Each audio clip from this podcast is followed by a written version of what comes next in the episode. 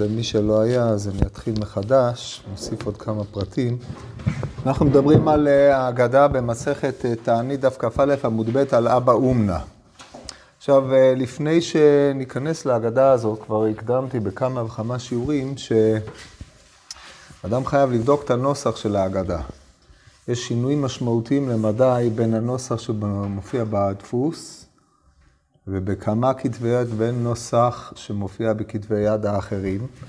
הדברים הללו יש להם אה, השפעה גדולה מאוד על הפרשנות של ההגדה הזאת, שהרי אה, מי שנמשך אחר נוסח הדפוס בנה כמה וכמה הסברים על הדברים המופיעים בנוסח הזה שלא קיימים בנוסחים אחרים, ולכן אה, הדבר מטיל בספק את תוקף ההסבר.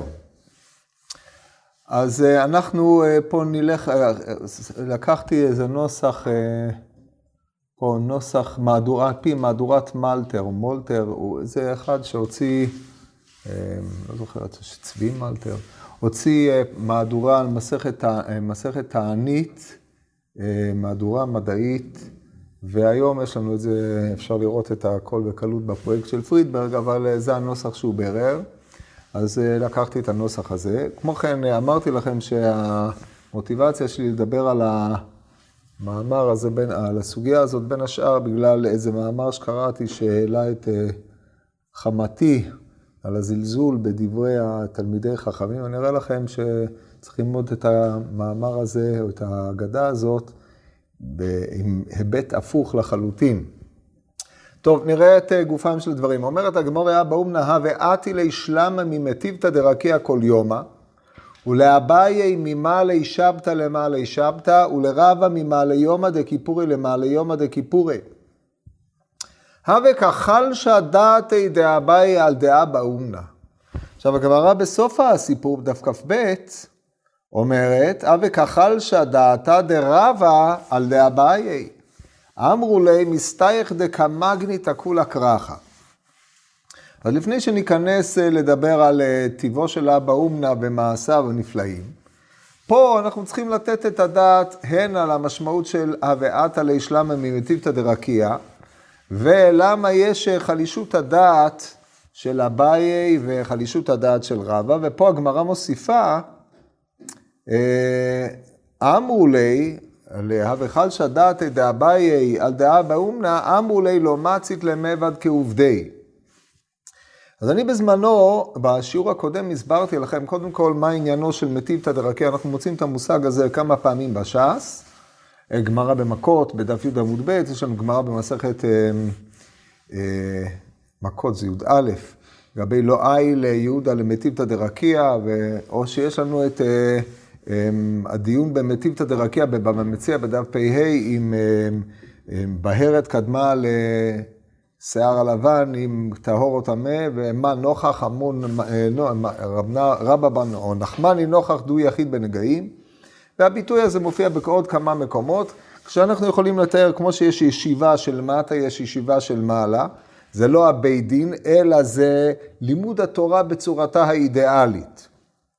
השלום ממטיבתא דרקיע, פירושו של דבר שהאידאה של התורה, כפי שהיא בצורתה השלמה, מתממשת על ידי אותו זה שמקבל שלום ממטיבתא דרקיע, שהרי עניינו של השלום זה ההשלמה בין העליונים ובין התחתונים. אם כן, מי שמקבל שלום ממטיבתא דרקיע בכל יום, מעשיו הם מימוש מלא של ההלכה, לצורך העניין הזה, ההליכה בדרכיו של מקום, מהו רחום, אף אתה יהיה רחום, זה דהיינו יישום התורה, או כיוון שעיקרה של התורה זה על מנת לעשות, כמו שאומרת הגמרא, גדול תלמוד שמביא לידי מעשה, הרי המעשה הממומש על, אה, על ידי התלמוד או על ידי ההתנהגות הראויה בדרכיו של מקום, שהוא פועל יוצא משיקול דעת ותבונה.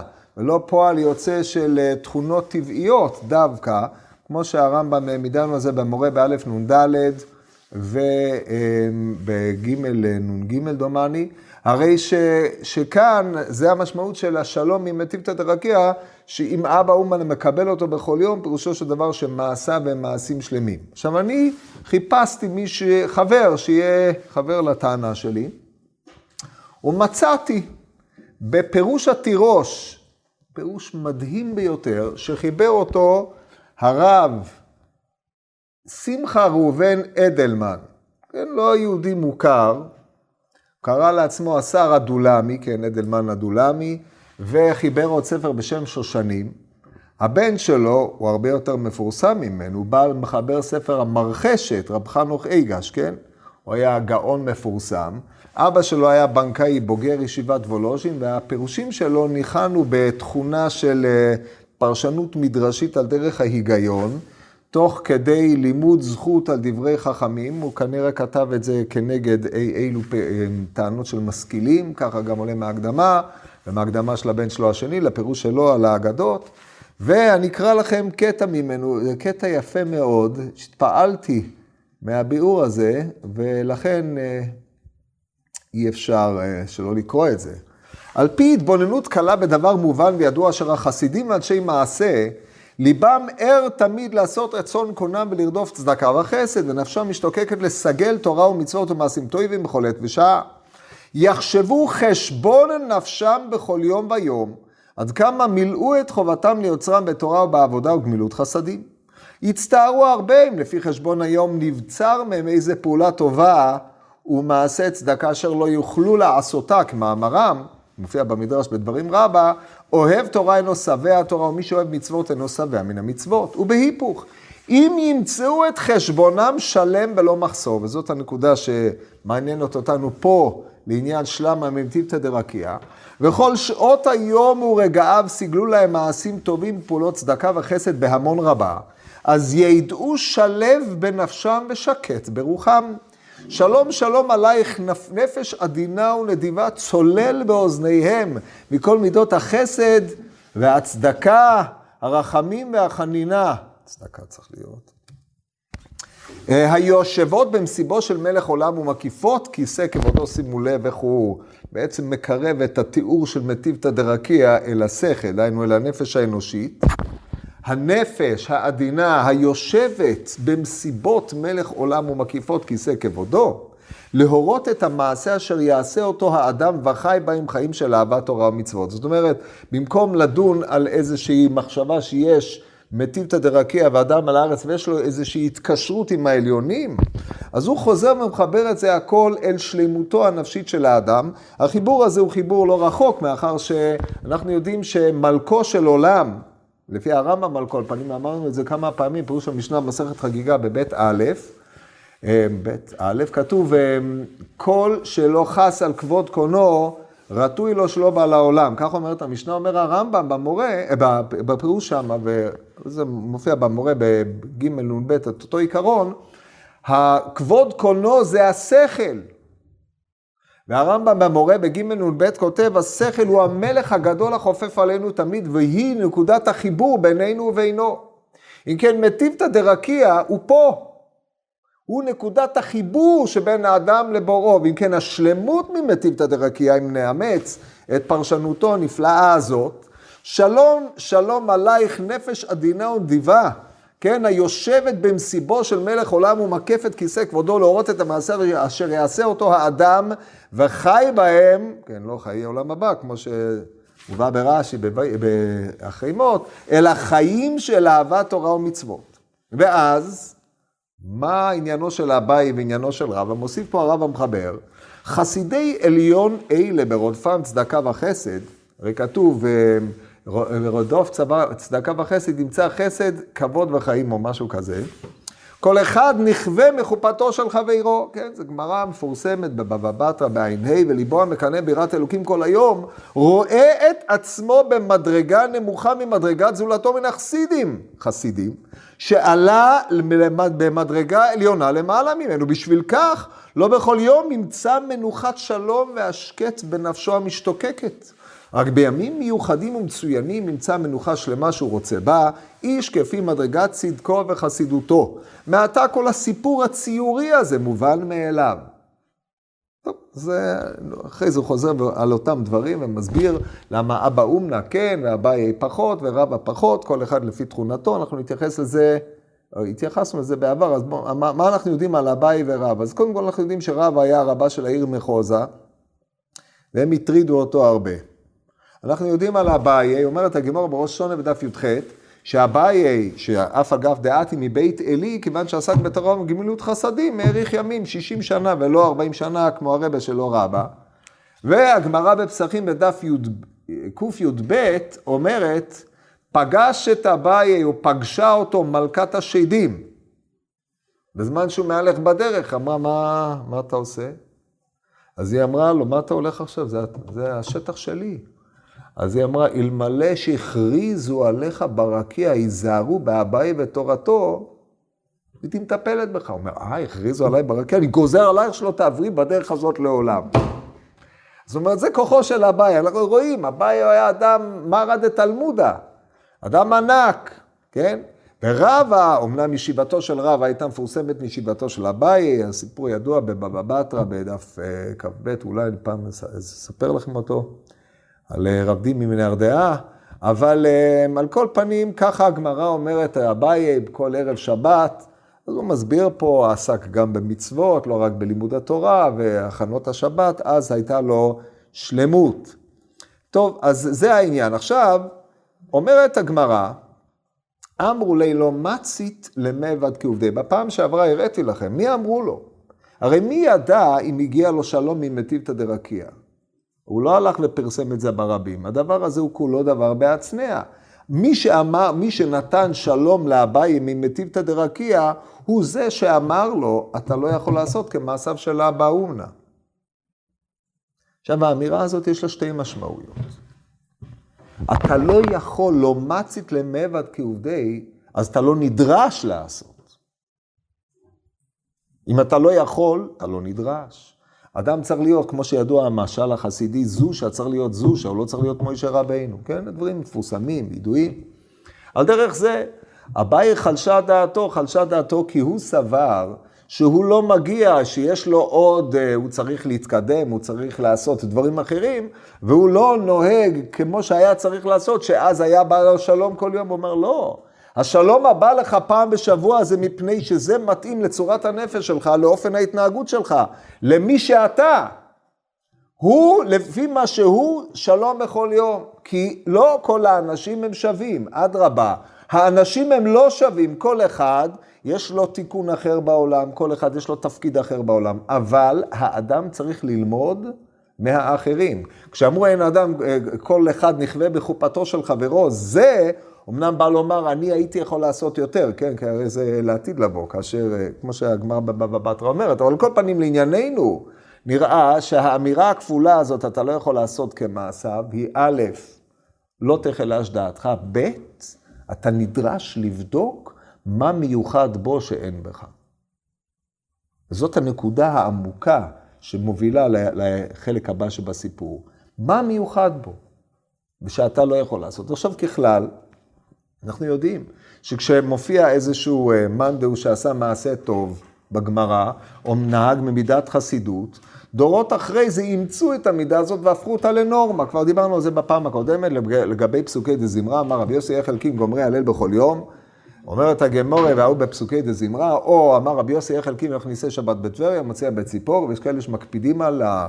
יש כאלה שמוציאים, מכניסים אותה בציפור ומוציאים בטבריה, אבל, אבל יש כאלה שגם מקפידים על זה, ועוד אי אילו מידות חסידות, הכל חיקוי של הקדמונים. ברגע שהפך הדבר להיות לנורמה, אז זה יפה מאוד שאתה נוהג בזה מידת חסידות, אבל אתה נוהג כי הוא נהג. פה מדובר על מישהו שמצד עצמו הוסיף על מה שהיה. החיקוי, יש בו תועלת, אבל החיקוי באיזשהו מקום לא מוציא את העצמיות שלך. אז הגמרא שואלת, מה היו מעשיו של אבא אומנה?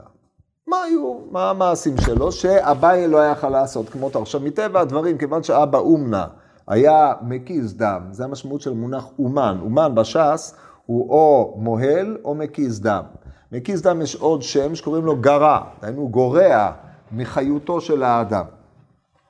אביי, אם לא עבר את ההכשרה הזאת, לא למד בבית ספר למקיזי דם, אז הוא לא יכול להקיז דם, לכן אי אפשר לבוא אליו בטענות שאתה לא יודע להקיז דם כמו אבא אומנה, אבל לא בזה הוא נבחן. אנחנו נראה את המבחן של אבא אומנה, או את מעשיו, והם מתחלקים לשני חלקים. היחס שלו אל האדם מצד ענייני הצניעות, והיחס שלו אל האחרים מצד ענייני הממון. נעבור זה בקצרה, כי דיברתי על זה בשיעור הקודם, אני רוצה להגיע לחלק השני בעיקר. אומרת הגמורה, מאי הווה עובדא דאה באומנה, דחייה ואביד מילתא, דהיינו כאשר הוא היה מקיז דם, הווה אביד דוכתא דגבי לחודאי ודנה של לחודאי. היה עזרת גברים, גברים לחוד ונשים לחוד. מפני שבזמן הקזת דם, אדם חושף את אברי גופו, ואם גברים ונשים עומדים בתור להקזת דם, אני לא יודע בדיוק איך זה עובד, אבל זה אולי זה כמו אה, תרומת דם, אתה חושף את זה, את המקום, ואתה נותן לדם לצאת, הרי הוא לא צריך, הוא לא מוציא את הדם. אתה דוקר והדם יוצא, ודרך אגב כבר אה, אמרתי לכם גם בפעם הקודמת, היום אנחנו לא רואים בהקזת הדם עניין בעל תועלת מרובה, אלא עניין בעל נזק כביר. אבל בזמנם היו מקיזים דם, היו מוציאים חצי ויותר מדמו של האדם, לא 450 cc כמו שעושים בתרומת דם, שזה כלום, כן? ואחרי זה אדם הולך עם כאבי ראש וסבל לחצי יום, זאת אומרת, עושה את עצמו כאילו זה, זה לא סיפור. והוא צריך לשתות את זה ולנוח, והוא לא יכול לעשות שום עבודות, ועל ידי ככה הוא נותן סדרת תירוצים שמה, חצי מדמו של האדם היה הולך. עד כדי כך שהגמרא אומרת, שאדם שהקיז דם, אומרת הגמרא בשבת בקכ"ט, מותר להדליק עליו תנור בשבת בחודש תמוז. ואדם חייב לאכול בשר ולשתות יין כדי, כי סומקה הם, אה, הדר סומקה, דהיינו האדום, מחזיר את האדום. בקיצור, אדם היה, אחרי הקזת דם, אדם היה נמצא במצב פיזי איום. אתם יכולים לתאר, לעצמם, לתאר את זה, אין לכם, אין לכם כוח, אין לכם חיות בכלל, אדם הוא הנפש והוא יוצא. עכשיו הם האמינו שעל ידי הוצאת הדם, את הדם מתקופה לתקופה, אז הגוף יכול להתחדש, תתחדש כנשר נעורייכי ויש לו, הוא מוציא עם זה את כל הרעלים ועוד אי אילו עניינים שהיו בנויים על תפיסת הפיזיולוגיה דאז, שהיא כמובן היום רק שייכת למוזיאון. אבל uh, היום אנחנו יודעים שזה לא טוב, אבל הם ראו במי שעושה את זה ובעשייה הזאת, הליך רפואי לכל דבר ועניין. עכשיו, כאשר הוא הזמין אותם, אז כמו שאמרנו קודם, יש, זה כרוך בחשיפת אה, אברי הגוף למיניהם, אני לא יודע בדיוק איפה מקיזים, אם ביד, צריך להקיז במקום שנוח שהדם יזרום מהר ויצא, ואפשר יהיה לעצור את הזרימה. אבל לא תמיד היו יכולים לעצור את הזרימה, והאדם שיצא ממנו יותר מדי דם, מת. כן, אם יש לו, לפי הגמרא, פחות מרביעית, הוא לא יכול להתקיים, כן? לא ברור איך הוא מתקיים על רביעית דם, אבל טוב. אז לפעמים לא יכלו לעצור את זה, הבן אדם סובל מהמופיליה, הוא לא ידע את זה, הוא סובל מעוד אי אילו עניינים, או שהוא פתח לו איזה עורק שהוא זורם שם, ואז אנשים מתו. והגמרא מתארת במסכת קידושין את תכונותיו של מקיז הדם, לפני שנמשיך. עשרה דברים נאמרו בגרה. מהלך על צידו. כל אחד מהלך על רגליו, לא מהלך על צידו. מהלך על צידו זה תיאור של הילוך של בעל גייבה. ורוחו גסה, זאת אומרת לא זו בלבד שהליכתו אומרת שהוא בעל גייבה, הוא גם דואג להנכיח את הדברים האלה בדיבורו. ונתלה ויושב, זאת אומרת, הוא לא יושב כמו שכולם יושבים, לא עומד כמו שכולם עומדים, זה התנהגות של אה, אדם שיש לו חשיבות יתרה בעיני עצמו על כל פנים, אינו צרה, דהיינו קמצן, ואם לא מקבל את כל מה שמגיע לו, אז הוא לא, לא מוותר, זה מי שאינו צרה בשל אחרים. כיוון שיש לו הרבה, ככל שיש לו יותר, אז אינו צרה. מי שיש לו מאנה רוצה 200. ואם הוא יוכל להשיג יותר ממישהו אחר, אז אינו צרה.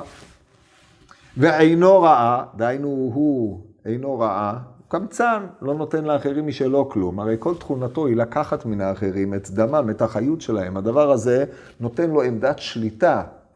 עמדת, אה, כמו הרופא, כמו שהגמרא אומרת שם במקום טוב שברופאים בגיהינום, דהיינו מי שאנשים נזקקים לשירותיו, וכאשר הם מגיעים תחת ידו, הם נכנסים, בני אדם יוצאים שברי כלים, ואחרי זה הם צריכים לחזור ולהתאושש, והוא מצליח לעשות להם את הדברים האלה, יש לו עמדה, זו עמדה שלטונית, עמדה, עמדה כוחנית גדולה מאוד, כן? דומה לפוליטיקאי באופנים אלו ואחרים, בלי להיכנס לשום עניין אקטואלי בשום פנים ואופן, אבל זה, יש אנשים שמקיזים את דמם של האנשים באופן מסוים, ויש מקיזים את דמם, את דמים, תרתי משמעם, אנחנו מכירים את הדבר הזה. על כל פנים, פה אנחנו מדברים על הדם ממש, הדם הזה, כיוון שהוא מקיז את דמו, הוא גם מקיז את דמו השני, ולכן אינו רעה וצרה. לא זו בלבד, אלא כיוון שהם כולם צריכים לאכול אחרי הקזת הדם, אז גם הוא אוכל איתם, אז לכן הוא אוכל הרבה. הוא מוציא קימה, אבל הוא אוכל את האוכל הטוב, הוא אוכל את הבשר, הוא אוכל את היין המשובח, ולא את האוכל שכולם, אה, את הירקות ודברים שהם לא מחשיבים. מאחר שאחרי הקזת דם, זה מה שצריך לעשות, אז הם קונים אצלו בשר ויין.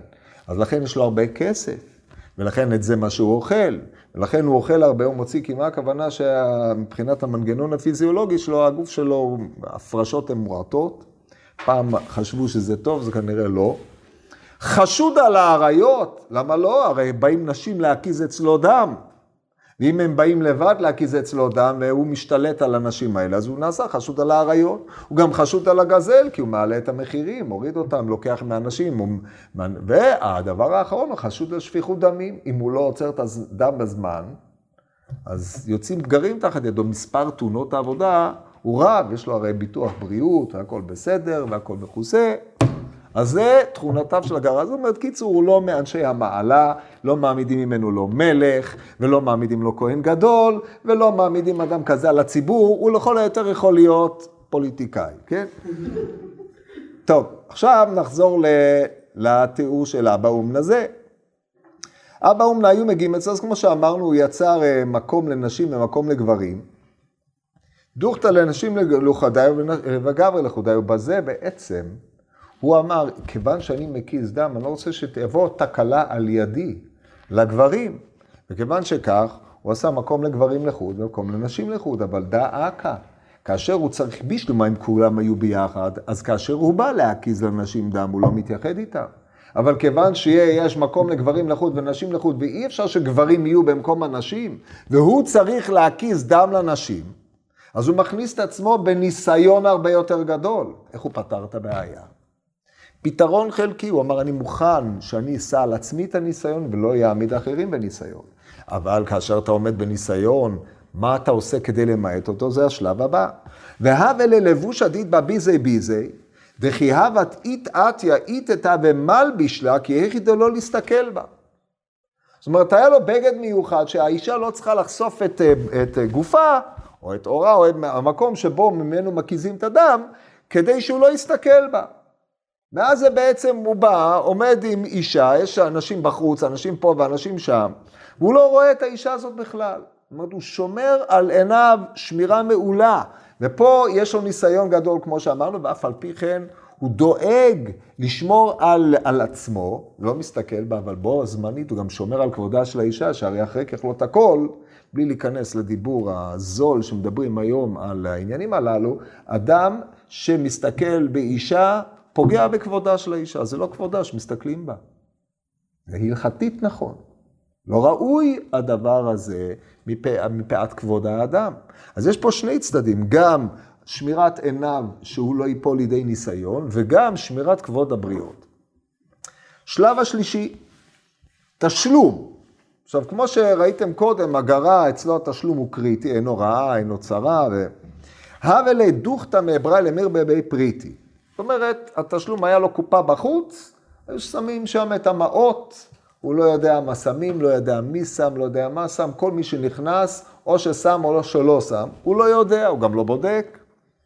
דאיתלי רמי, דלא איתלי אתי יתי ולא מכסי. זאת אומרת, מי שיש לו, משלם, מי שאין לו, לא משלם. למה מי שיש לו לשלם? אמרנו פעם שעברה, עשה את זה מגן מגן, זה מאוד חשוב שאדם ישלם על השירות שהוא מקבל.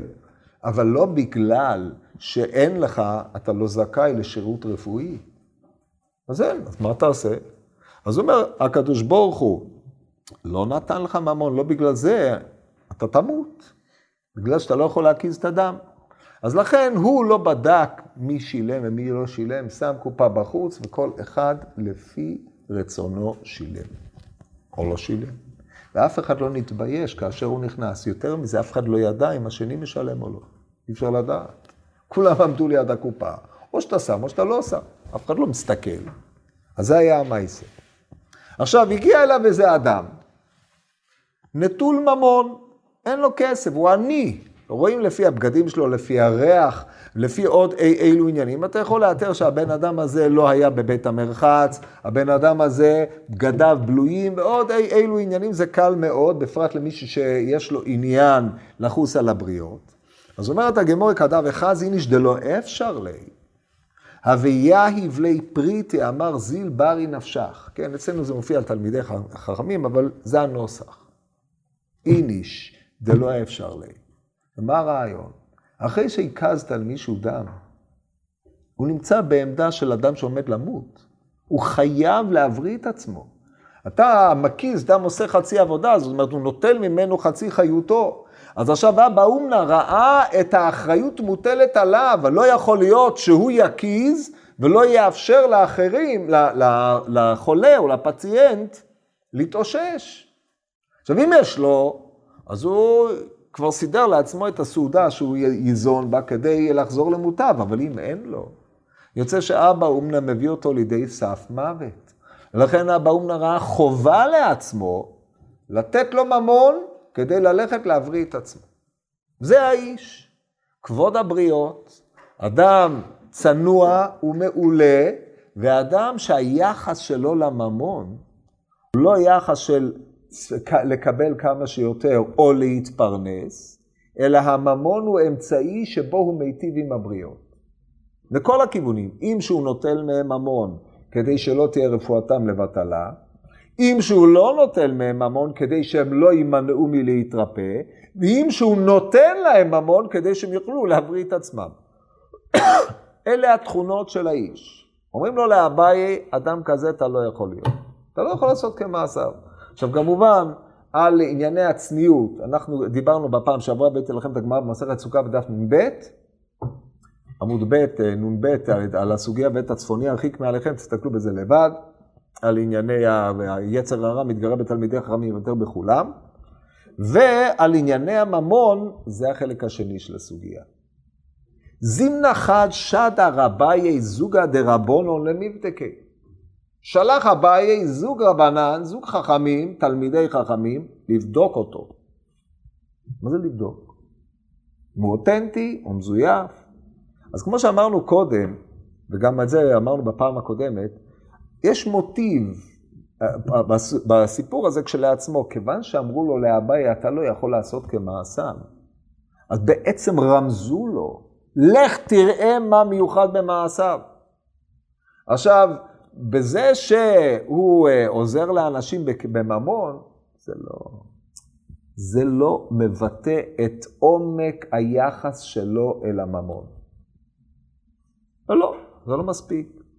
מכוח ייחודיותו ויחסו לממון ויחס לבריות, הוא גם עשה את הדבר הזה. לכן הבעיה היה צריך לבדוק אותו בייחוד, וכביכול האמירה במטיבתא דרכיה, אתה לא יכול לעשות כמעשיו, היא זו שמרמזת לו, תבדוק. עכשיו, הבדיקה הזאת היא איננה בדיקה כדי להכשיל. כמו שאנחנו מוצאים כמה וכמה פעמים בש"ס, בדי כלי, אמר הפאפה בדי כאן רבא, כן? או מופיע במדרש, שרבי חנינא שאל את רבי אלעזר איזה שאלה, מה אתה שואל את השאלה הזאת? הוא אומר, לבדוק אותו. הבדיקה לא נועדה בשביל להכשיל, אלא נועדה בשביל לגלות, בבחינת מה שפרשו המפרשים על והשם, והשם נישא את אברהם, כן? ידוע פירוש הרמב"ם המורה על עניין הניסיון של אברהם, או מה שמופיע במדרש, על הפסוק השם צדיק יבחן בבראשית רבה ל"ב, כן, הקדוש ברוך הוא בוחן את מי שיכול לעמוד בניסיון ולא מי שאיננו יכול לעמוד בניסיון. עכשיו אנחנו נראה את הניסיון הזה, זה אחד מהדברים המופלאים. עכשיו, כשחכם בודק מישהו, כל שלב הוא בדיקה. פה אתם תראו כל שלב, עד השלב האחרון ועד בכלל, זה בדיקה. מתוחכם להפליא, אבל כל שלב אנחנו צריכים תמיד לשאול, מה הבדיקה פה, מה הבדיקה פה. אז נפתח. הגיעו אליו זוג דה רבונון, הרי רק כדי אה, להיות אצלו, זה רק, פה מתחילה הבדיקה, זה הפרומו לבדיקה. ואז הוא לביתי, אכלינו והשקינו מחלו ביסטרקי. והיינו הגיעו לביתו, האכילו אותם, השקע אותם, כמו שצריך, ומחלו ביסטרקי נתן להם את המצעים היותר טובים שיש לו בבית כדי שישנו אצלו. עכשיו, האם זאת בדיקה? זאת אומרת, אם הוא לא היה עומד בזה, אמר להם, תודה רבה, לכו מפה. אז זה לא, זה, זה דבר בסיסי שנדרש, אדם צריך לתת אכילה, שתייה ולינה, או לוויה, כן, תלוי לפי המצב. אז הזוגא דרבנן אפילו לא ביקשו את זה, אבל הוא, באשר הוא מכניס אורחים, ככה התייחס. אבל הוא לא עשה את זה בגלל שהם, אולי זה בגלל שהם זוגא דרבנן. או אולי מפני שהוא מכניס אורחים, וזה יפה, אבל בזה לא מתגלה ייחודיותו, אלא שזה היה תנאי מקדים בשביל לעמוד, להעמיד אותו בניסיון. ופה מתחיל הניסיון. לצפרא קרחינו והייתינו לשוקה. בבוקר לקחו את הביסטרקה הזה והלכו למכור אותו בשוק. קשור העולם פה באופן הבא, אני אקרא לכם את השפת אמת. איפה אנחנו? בואו נראה. כן. כולם התקשו פה בשל, מי התיר לכם לגנוב? יפה, אתם רוצים לבדוק את אבא אומנה? מי התיר לכם לעשות דבר כזה? אז השפת אמת התקשה בזה ביותר. אחרי זה אני אגיד לכם עוד, כן?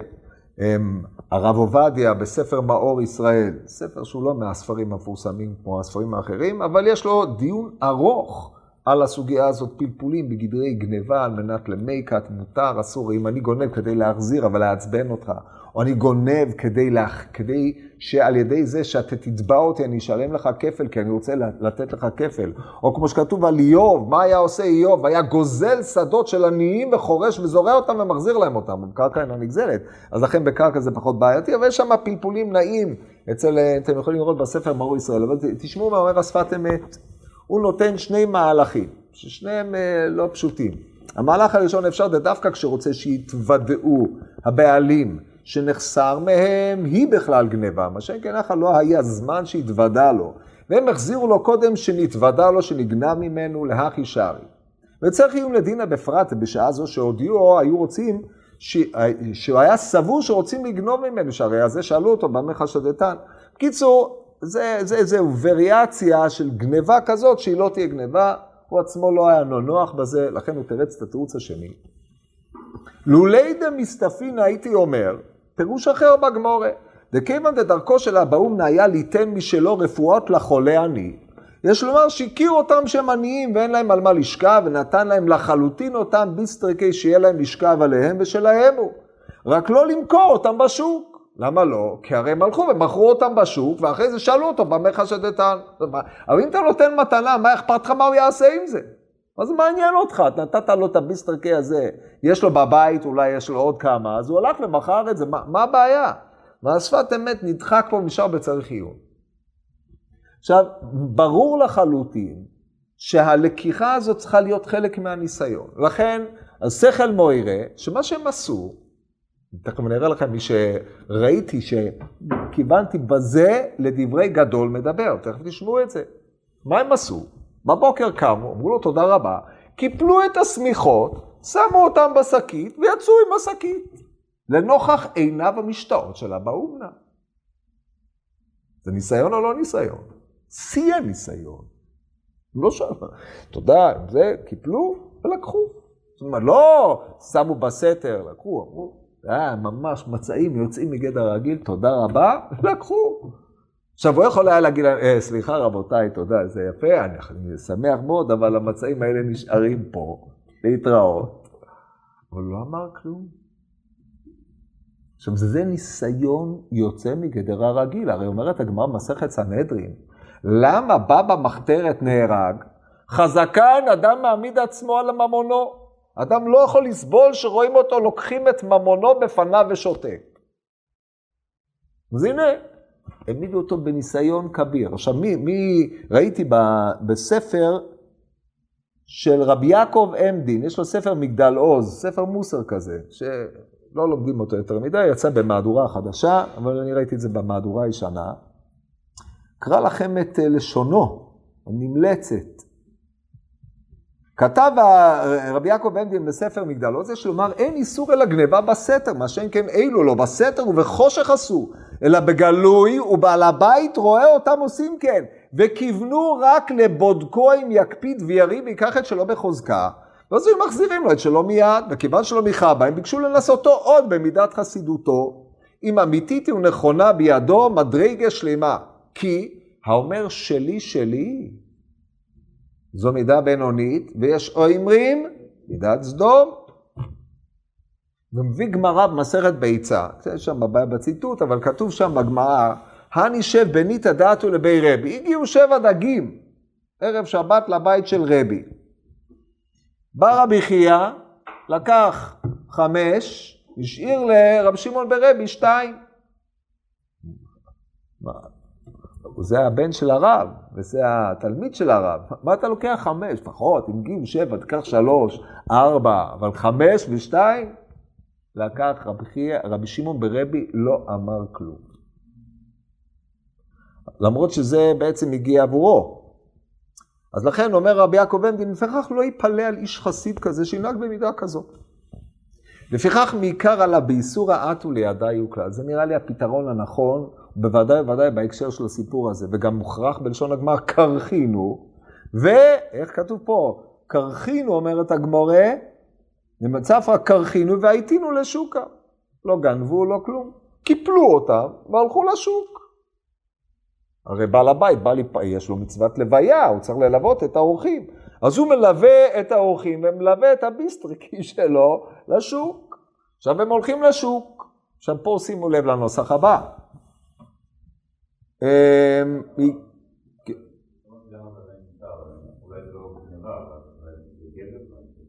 למה גזל?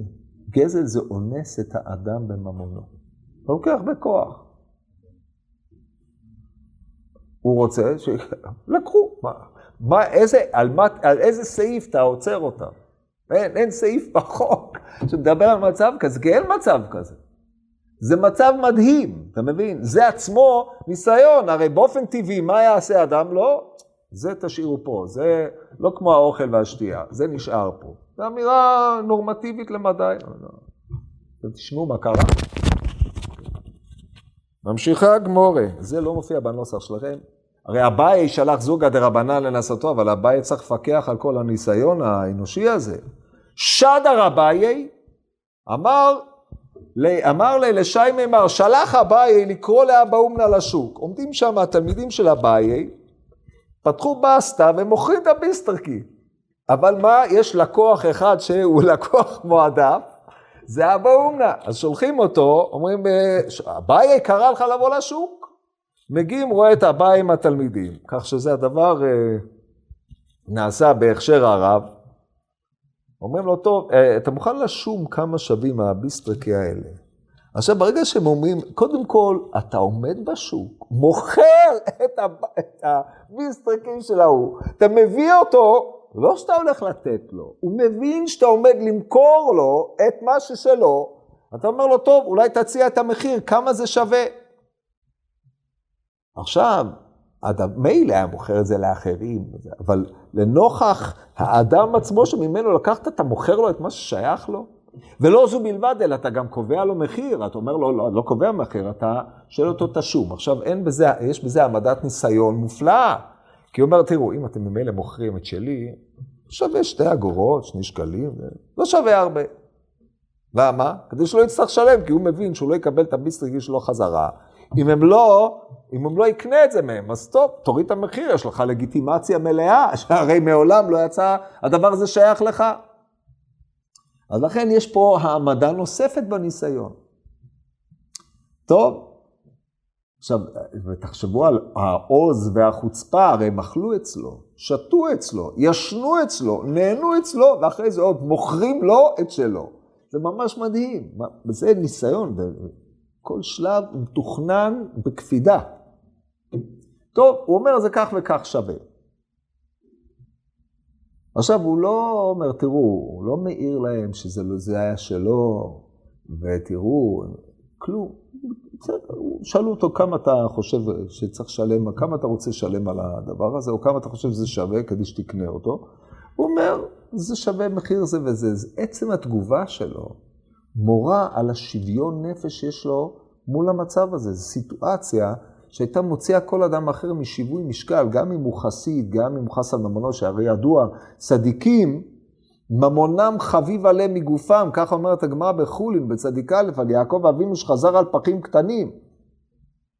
זו מילה אחת לא מאיר על הסיטואציה, אלא עונה אינפורמטיבית. זה שווה כך וכך. טוב, ניסיון הבא. אז הם אומרים לו, אולי זה שווה יותר, אז אולי זה שווה יותר. תכף תשמעו את התשובה שלו, תבינו איזה שאלה חצופה זאת. אולי זה שווה יותר, פירושו של דבר, אולי באמת, כיוון שלקחנו את זה מהבית שלך, ואתה רוצה להחזיר את זה אליך, אתה מוריד את המחיר, ובאמת, זה שווה יותר. אתה לא אדם אמין, שקרן. או אולי אם זה, אולי זה שווה יותר, ואם יבוא איזה קליינט ויציע יותר, אנחנו נמכור את זה לו, לא, לא נמכור את זה לך.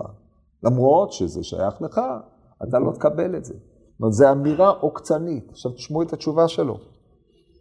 אמר לו, בהכי שקלים. זו תשובה מדהימה. על פניו היינו קוראים, זה מה שקניתי. אבל תחשבו על הסיטואציה הבאה.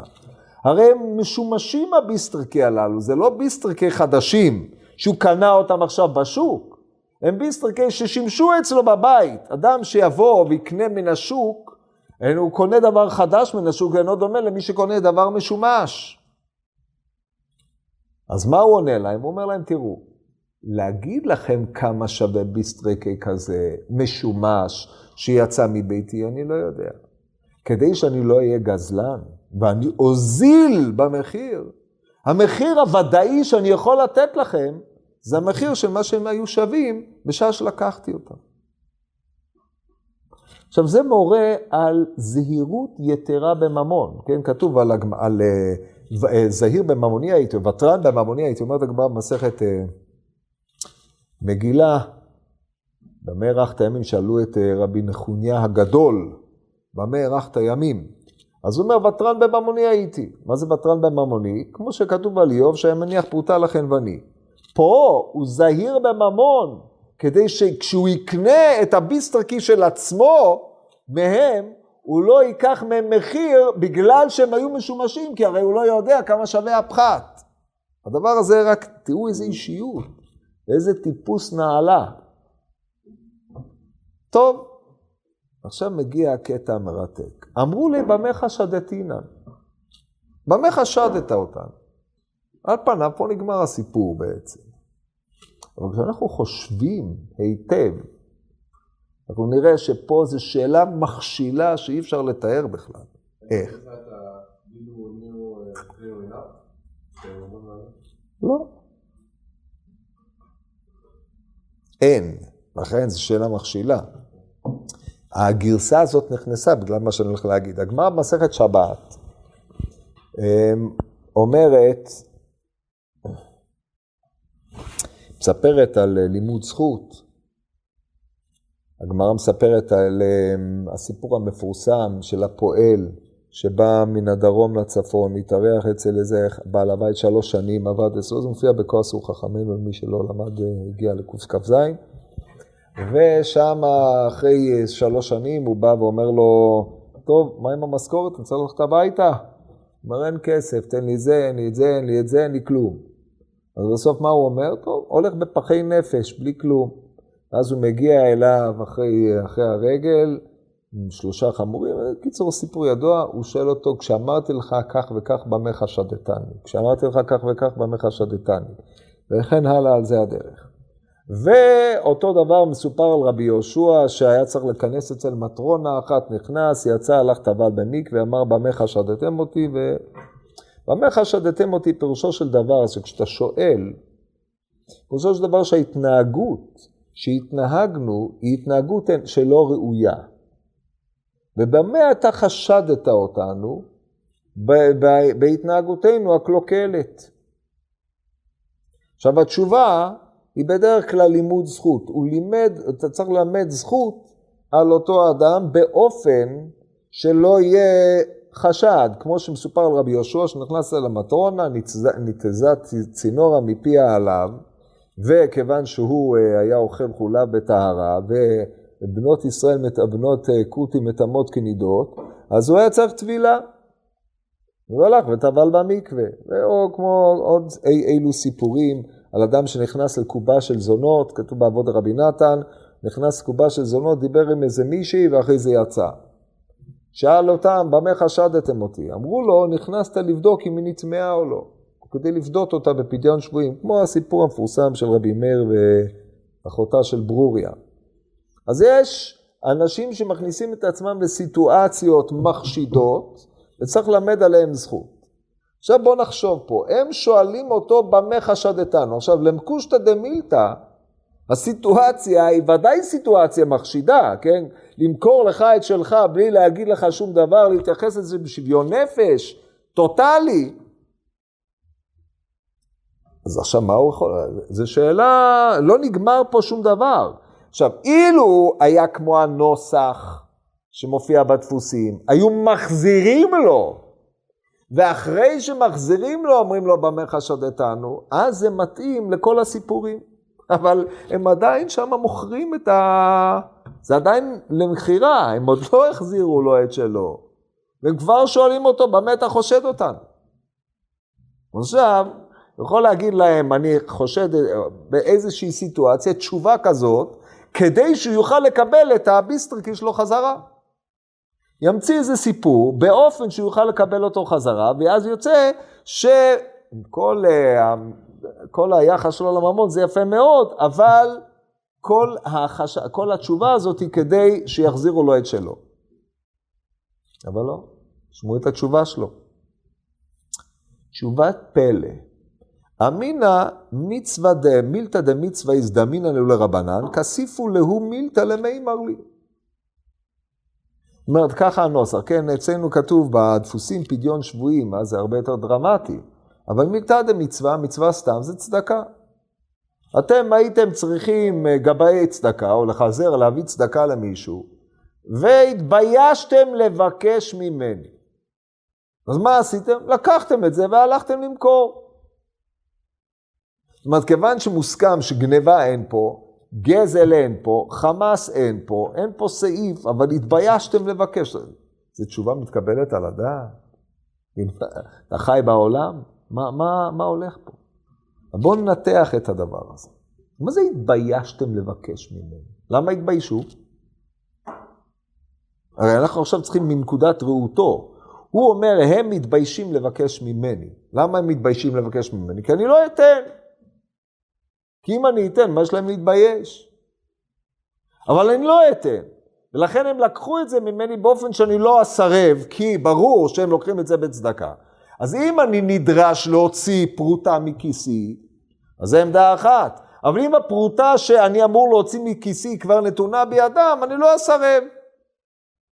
זה התמצית.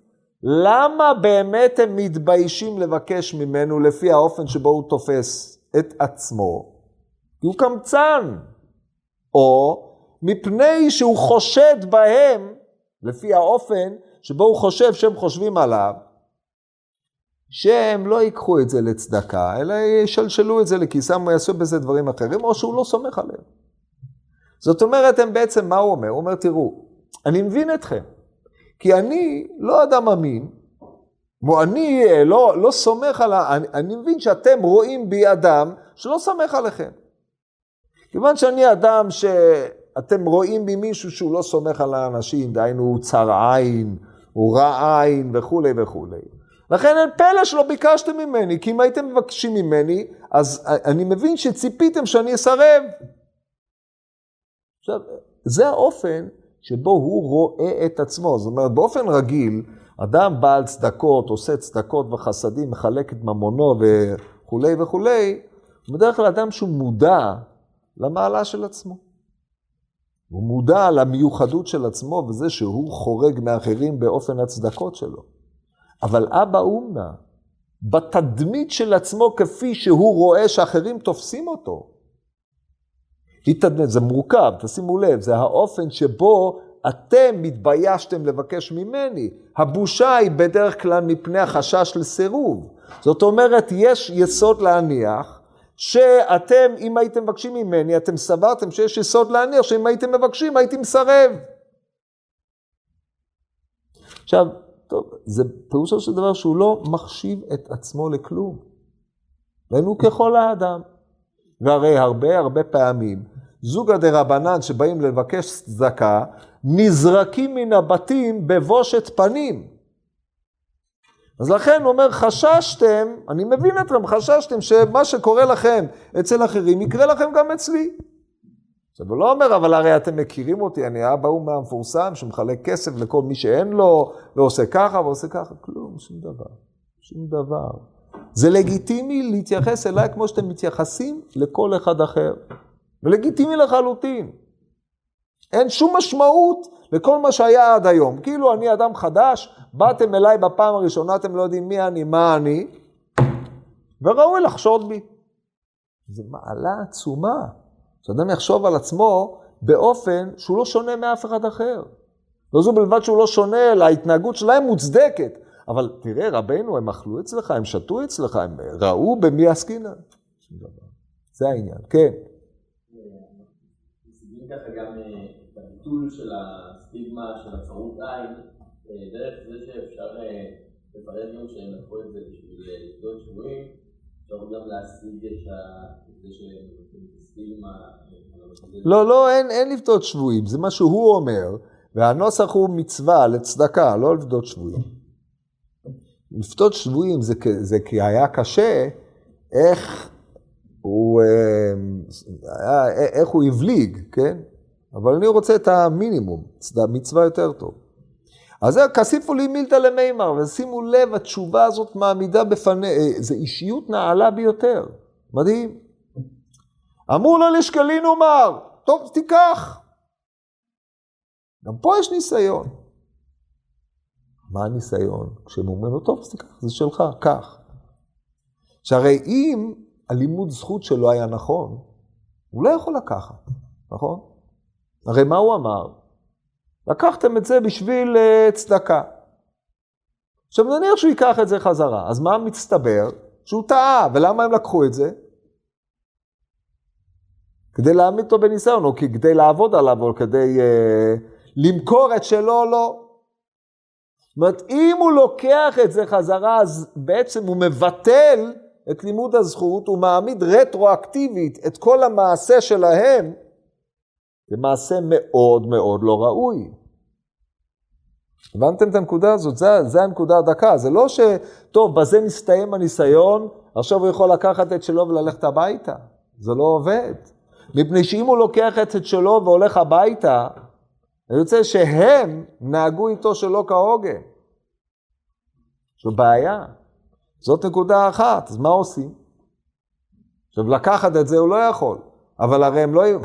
לא לקחת את זה הוא גם לא יכול, כי הרי הם לא רוצים את זה לעצמם. עכשיו, הם לא אומרים לו למה הם עשו, הם לא אומרים לו שהם לא לקחו את זה לצדקה, כן עשו את זה לצדקה. בשלב זה הוא נמצא בניסיון כבד ביותר. מה קורה? תשובה חכמה. אמר, מאושת אסחא דעתי לצדקה. ברגע שראיתי אתכם לוקחים את זה, גמרתי ביני וביני שזה הולך לצדקה. עכשיו, על ידי זה הוא מציל את כל העולמות, הוא מציל את כבודם, מציל את כבודו, ולמעשה הוא עומד בניסיון. למה? כי ברגע שהסחתי את דעתי שזה הולך לצדקה, הם עצמם, מה חייבים לעשות עם זה? לתת את זה לצדקה. אין ברירה.